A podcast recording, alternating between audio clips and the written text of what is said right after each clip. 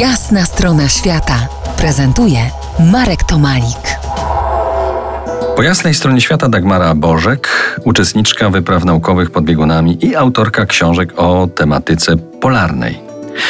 Rozmawiamy dziś o polskich badaczkach, które za sprawą Twojego, Daga, projektu Polarniczki próbujesz nam pokazać, przedstawić. Przypomnijmy dzisiaj trzy panie. Profesor Maria Olech, którą miałem okazję poznać kilkanaście lat temu. Tak, pani profesor mieszka w Krakowie, miałyśmy okazję się spotkać. E, no nie ukrywam, że dla mnie jest bardzo dużym autorytetem. Ja akurat naukowcem nie jestem, natomiast dorobek naukowy mniej więcej pani profesor znam. E, jestem pod wrażeniem jej osobowości, ponieważ ona jeździła w regiony podbiegunowe, kiedy to nie było modne, mówiąc e, tak żartobliwie troszeczkę. Natomiast przecierała szlaki e, kobietom, które teraz mogą normalnie zimować w jednej czy w drugiej stacji polarnej na północy bądź południu. Mm, była kierowniczką wyprawy na początku lat 90. do Polskiej Stacji Antarktycznej imienia Henryka Arctowskiego.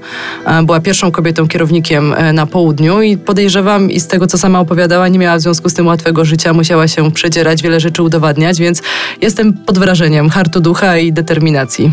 Pani profesor Maria Olech to lichenolożka, wyjaśni ten termin. Mówi się o pani profesor, że jest e, pierwszą naukowczynią porostów w regionach polarnych e, na kanwie polskiej, ale właściwie jej badania są e, znane e, nie tylko w naszym kraju, więc tutaj jej działania są pionierskie w tym zakresie. A na przylądku Three Sisters y, Point znajdują się wzgórza Olech, nazwane najcześć. Teraz dwa słowa o pani Danucie Bednarek. To pierwsza kobieta, która zimowała tak, zimowała w stacji w Hornsundzie na Spitsbergenie, stacji należącej do Instytutu Geofizyki Polskiej Akademii Nauk. Wyjaśnij nam, co to znaczy zimowała. Właśnie, to jest termin, który dotyczy przebywania w stacji polarnej przez cały rok, spędzenia tam całego roku. O osobie, która zimowała, mówi się też zimownik. E, na przykład w języku rosyjskim z takich ciekawostek jest też czasownik zimować i jest e, rzeczownik zimownik, więc e, tutaj nasze języki są zgodne pod tym względem. Faktycznie lata 90., 95., 96 to jest obecność pani Danuty Bednarek na stacji w Hornsundzie. Z tym, że tutaj też trzeba podkreślić, ona pojechała ze swoim mężem, który był kierownikiem wyprawy, który był geologiem.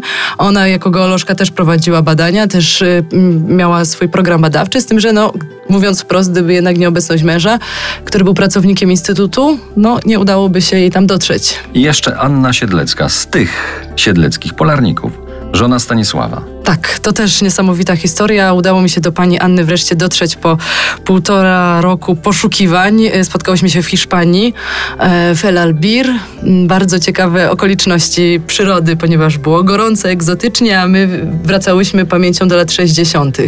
Więc e, tutaj też e, bardzo ciekawe opowieści dotyczące tego, na przykład jak można sobie zrobić owsiankę mieszkając w namiocie pod lodowcem, czy na przykład jak się ustrzec przed białym niedźwiedziem, których tam jest bardzo dużo. Fajne, codzienne historie.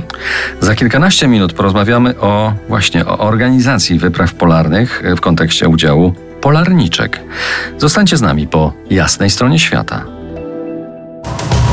To jest jasna strona świata w RMS Classic.